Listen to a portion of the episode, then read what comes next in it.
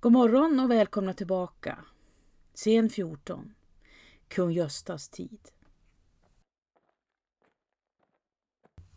Blodbladsplanschens sista bild föreställer kung Kristian flyende från sin överman.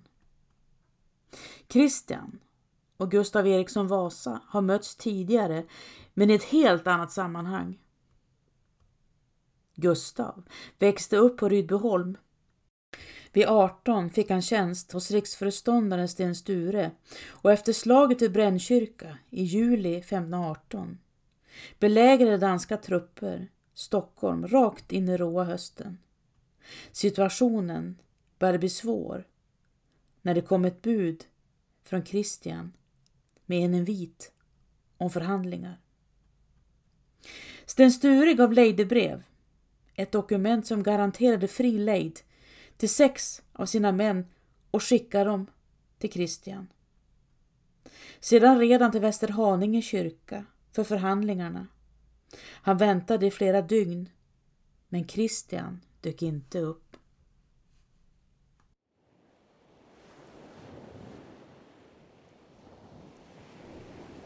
Nej, Kristian var redan på väg tillbaka mot Danmark. Så fort gisslan stigit ombord på hans skepp ångrade han sig, struntade i förhandlingarna och lade ut till havs istället. Kristians första tanke var att döda gisslan, men han tog dem till fångar istället. Gustav Eriksson Vasa placerades hos riddaren Erik Baner på Jylland. Maten var usel, men han behandlades väl och han lyssnade intensivt till allt som sades.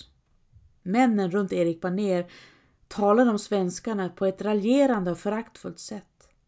Det skulle spela Svarta Petter om dem.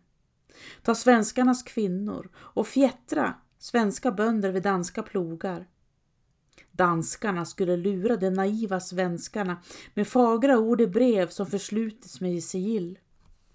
Gustav, eller väggen med öron som han kallade honom, blev så illa berörd att han riskerade sitt liv genom att rymma till Lübeck.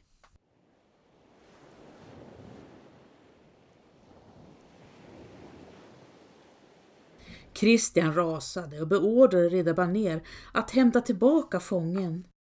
Men Gustav Vasa låg steget före och tog sig till Kalmar innan Erik Baner fick tag i honom. Gustav fortsatte upp genom Småland men blev allt mer betryckt. Alla människor som han mötte verkade ha ändrat uppfattning om dansk Kristian och när Gustav steg in hos frälsemannen Bengt Eriksson i Skälsnäs visade Bengt Eriksson stolt upp en inbjudan till Kristians kröningsfest i Stockholm i november. Följ med, sa Bengt Eriksson till Gustav Vasa. Kung Kristian har utfärdat amnesti till alla sina motståndare och även till Sten Stures män. Gustav Vasa skakade på huvudet. Jag litar inte på dansken, sa han, och det borde inte ni heller göra, Bengt Eriksson. Följ med mig till Dalarna istället. Men nu skakade Bengt Eriksson på huvudet. Gustav Vasa fortsatte norrut och besökte den gamle biskopen Jakob Ulfsson i Mariefred. Även Jakob Ulfsson uppmanade Gustav Vasa att försonas med kung Kristian och precis just då under pågående besök kom nyheter från Stockholm. Gustav Vasas far var död, avrättad på Stortorget. Och hans mor, Cecilia Eriksdotter Eka, och de två systrarna, Marta och Emerentia, hade skickats till Blå Torn i Köpenhamn. Gustav rasade. Han kontaktade Lübeck som skickade trupper mot löfte om tullfrihet. De svenska bönderna reste sig. Men Kristians ställning var avsevärt försvagad. Även i Danmark grodde missnöjet och Kristian tvingades iväg. Han reste till Nederländerna och fick senare, i brev, beskedet om att han var avsatt.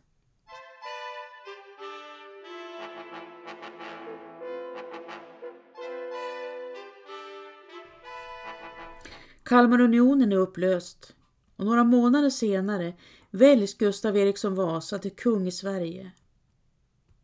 Gustav fattar genast ett stadigt grepp om makten. Riket organiseras, både administrativt och ekonomiskt. Och kung Gösta står i direkt förbindelse med rikets samtliga provinser. Hans korrespondens är lika omfattande som hans minne är skarpt. Gustav Vasa är en praktiskt lagd människa. När Sverige bryter med Rom och kronan övertar kyrkans enorma rikedomar och verksamhetsområden är syftet inte teologiskt utan ekonomiskt. Den lutherska läran införs i Sverige och kronan lägger beslag på kyrkans revir. Klostret stängs och munkar och nunnor tvingas iväg. Santa Clara kloster i Stockholm som funnits sedan 1200-talet bommas igen. Klostret har länge fört en tynande tillvaro med krympande ekonomi som tvingat nunnorna att säga upp sin biktfader och själva har de sjunkit ner i ett hälsofarligt och eländigt skick. Reformationen sätter även konkreta spår i vanliga människors vardag. I den lilla församlingen vid Skuleskogen har man just fått sin första kyrkklocka när kungens män kommer ridande. Evas dotterdotter och Ingrids dotter Sigrid berättar långt senare för sin dotter Karin.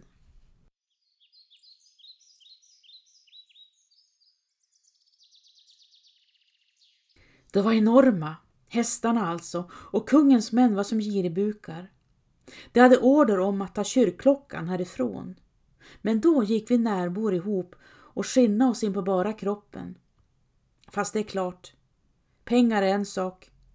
Mormor Ingrid råkade lämna sin enda örring i knytet med mynt som senare hamnade hos fader Nikolaus. Kyrkklockan bestod, men ringen i örat blev annans klenod. Kyrkklockans dova ljud vittnade om mormors tårar.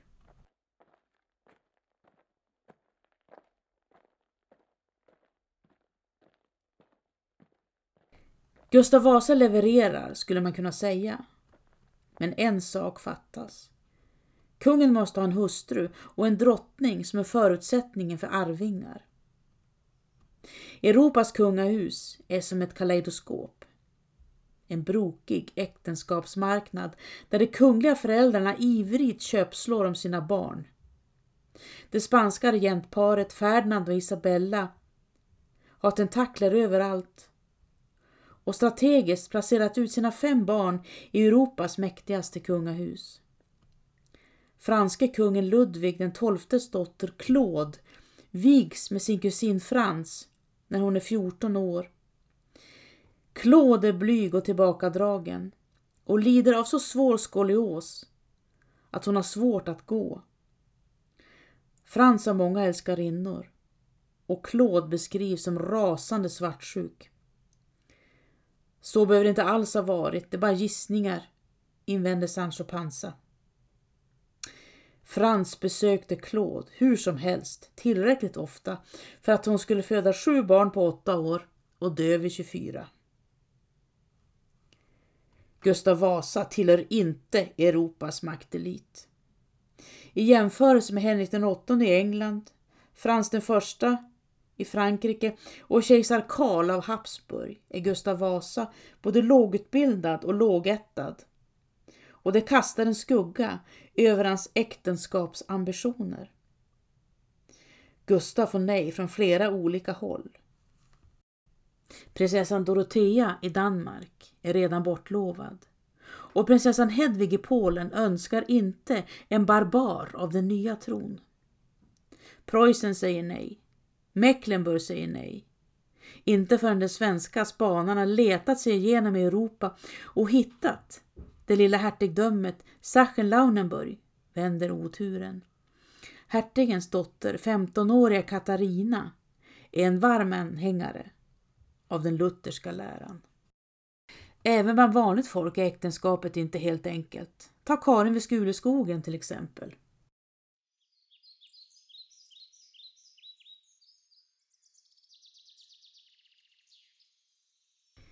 Månaderna har gått. Det är 24 stycken nu i mars, sedan Karin blev Henriks hustru. Hon kände knappt till honom innan Arvid Persson från västra delen av socknen kom hem till dem en söndag. Han hade ärende från Henrik Johansson, sa han, och mor ställde fram skorpor på bordet. Karin kunde inte erinra sig Henrik Johanssons ansikte och när de möttes den första gången var han ganska fåordig. De satt i kammaren, på varsin stol, på varsin sida av bordet.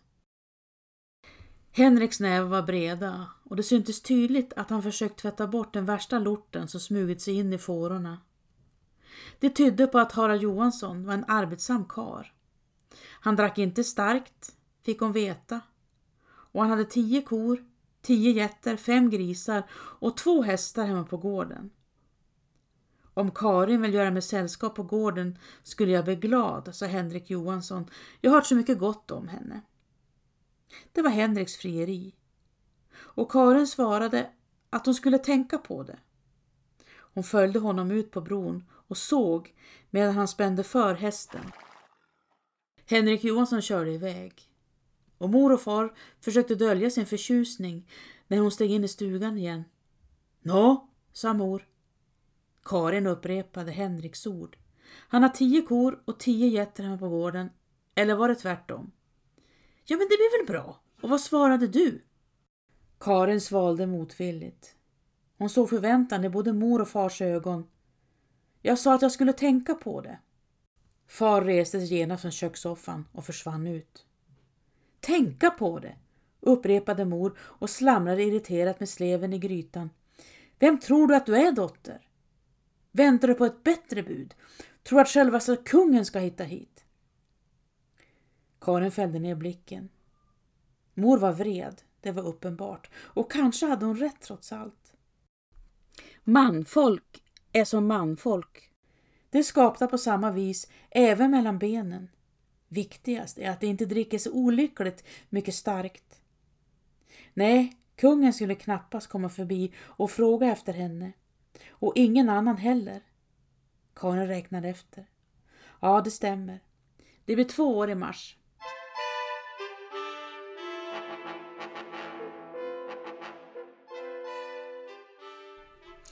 Bröllopet mellan Gustav Vasa, som nu är 35-årsåldern, och 18-åriga Katarina av Sachsen-Lauenburg firas i Stockholm den 24 september 1531 med stor pompa. Men äktenskapet börjar snart gnissla.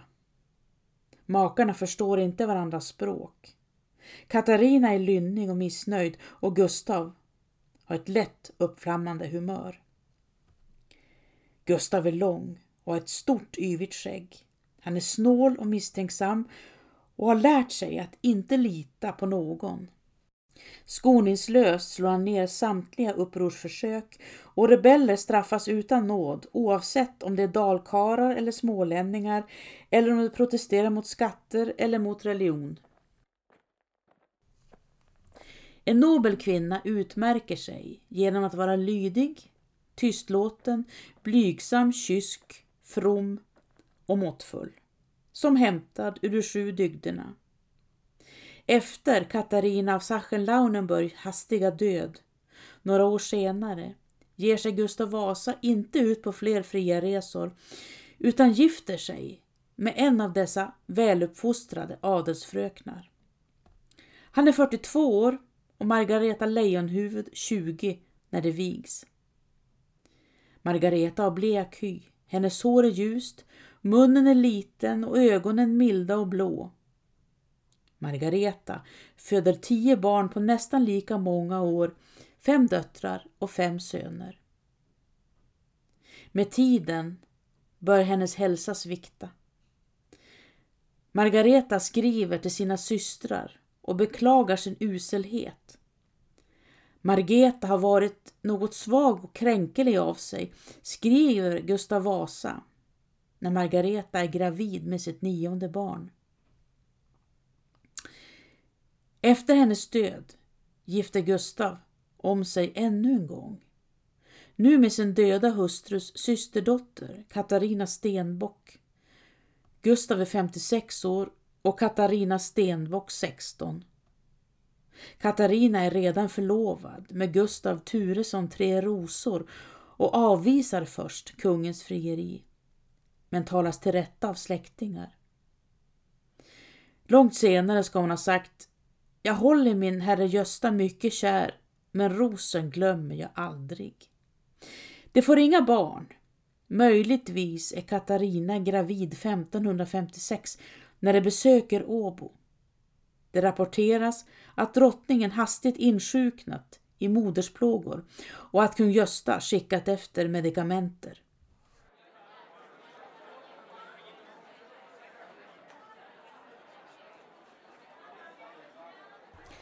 Don Quixote och Sancho Panza har slagit sig ner vid statyn av Gustav Vasa som står uppställd inne i entréhallen vid Nordiska museet. Gustavs fötter är stora som skepp. Ta några steg Gösta, uppmuntrar Sancho Panza honom. Men nu är det länge sedan Gustav Vasa gick med raska kliv. I slutet av sitt liv drabbas han av svåra bensår och varje steg blir till en plåga. Jag grunnar över en annan sak, muttrar Sancho Panza. Vad menade kung Gösta med orden Jag vet att jag inte har varit som jag skulle vara? Uttryckte han sig så, svarade Don Quixote. När sa han det? På dödsbädden, fortsätter Sancho Panza. Men vad menade han? Kung Gösta som uträttat så mycket.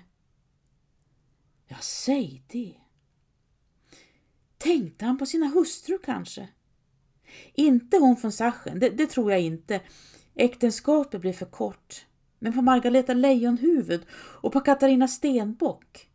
Att han tvingat dem. Don Quixote skakade på huvudet. Gustav skulle aldrig gå med på att han tvingat dem.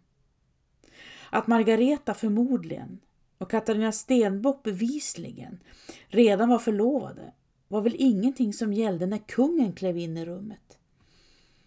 Nej, det är klart, svarade Sancho Panza. Det måste ha varit något annat. Kanske blev han rädd för Gud trots allt. Han hade ju varit inne och härjat på helig mark så att säga. Och innan döden kom han demonerna ikapp honom, vem vet? Ja, jag vet inte, säger Sancho Panza. Don, vi borde fråga honom. Ja, Sancho, gör det. En sak till bara, fortsätter Sancho Panza. Jag undrar om Gustav Vasa hade snorkråkor i näsan. Kan du se hur det ser ut där uppe i näsborrarna? Don Quixote börjar skratta. Nej, då måste jag ha en kikare. Men du kan ju fråga honom det också, när du ändå passar på. Risken är bara att kung Gösta blir arg. Gustav Vasa har som sagt ett hetsigt temperament. Och med tiden föräter hans kroppsliga besvär sönder honom. Han hyser en stark kärlek till sötsaker och drabbas av svåra tandinfektioner. Benhinnorna och öronen är ständigt inflammerande. Han har svårt att gå, han hör illa och lider av kronisk värk. Inte undra på att han blir på dåligt humör, säger Sancho Panza. Och svårmodig, svarade Don Quixote.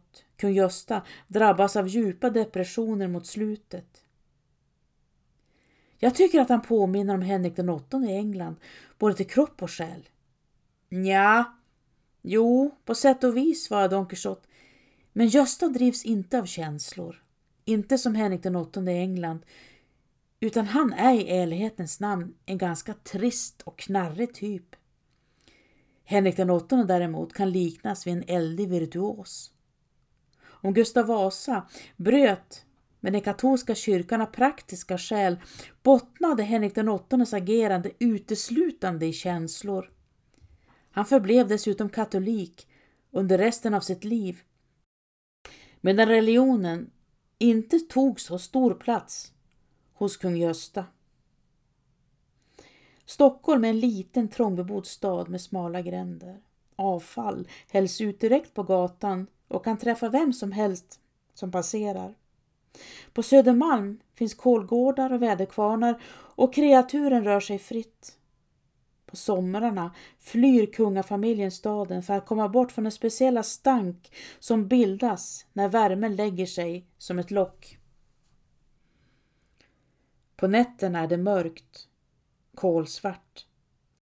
Två berusade män raglar fram genom gränden. Tegelbärare Per skrattar och vänder sig mot vindragare Mårten.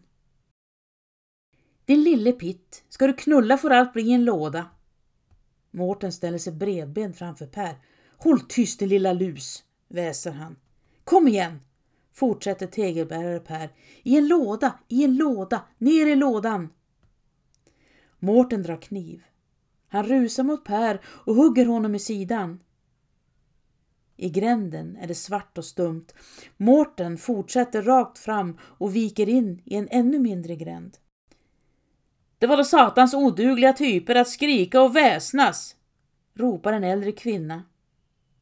En stund senare, när Mårten kurat ihop sig bakom ett stängsel och somnat, börjar kärrornas hjul nötas mot gatstenarna igen och morgonen är alldeles obarmhärtig. Bröderna Lars och Hans kastar bil mot en vägg, mest på skoj. Lars missar piltavlan och pilen hamnar på marken. Och Hans hånar honom. Har du ingen kraft i armen bror? Eller jag ska kalla dig syster. Lars blir så förnärmad att han hugger Hans i bröstet med sin slidkniv. Tunnbindarmäster Berg upptäcker att hans hustru Susanna besovits av hans dräng. Han hugger ihjäl drängen och jagar ut Susanna genom stadsporten. Stockholms tankeböcker berättar om dem i kortfattade ordalag. Tiden på jorden är inte evig och tidens tecken är tydliga. Jag citerar Ore Karlsson som skrivit en utmärkt bok om Gustav Vasa. Det kom rapporter från hela riket som berättade om ovanliga syner och händelser. I Finland hade fisken dött i så stora mängder att det var svårt för båtarna att gå in i hamn. I norr hade renar dött massdöd, men även björnar och fåglar och rävar hade dött. Det hade regnat så mycket att skördar förstörts och gårdar spolats bort. I Stockholm hade kometer och eldklot visat sig på himlen så de var yttersta domen nära. Under sommaren 1560 är det uppenbart att kung Göstas liv är på upphällningen och i september är han sängliggande. Gustav har ont i huvudet, benen värker och magbesvären som han drabbats av diagnostiseras som kolera. Han behandlas med endivvatten, granatäpple och violsirap. Kung Gösta är på ett uselt humör. Hans hustru Katarina Stenbock är ständigt hos honom. Men ingen av barnen kommer och hälsar på och det gör honom ännu mer vredgad. På sitt yttersta fruktar kung Gösta för sin själs salighet. Han ber Gud om förbarmande och erkänner för sin biktfader att han syndat. Vid åtta tiden på morgonen 29 september dör Gustav Vasa.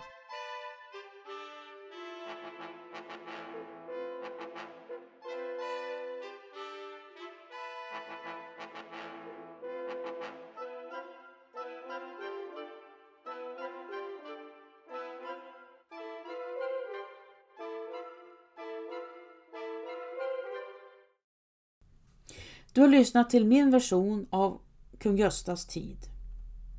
Tack för idag!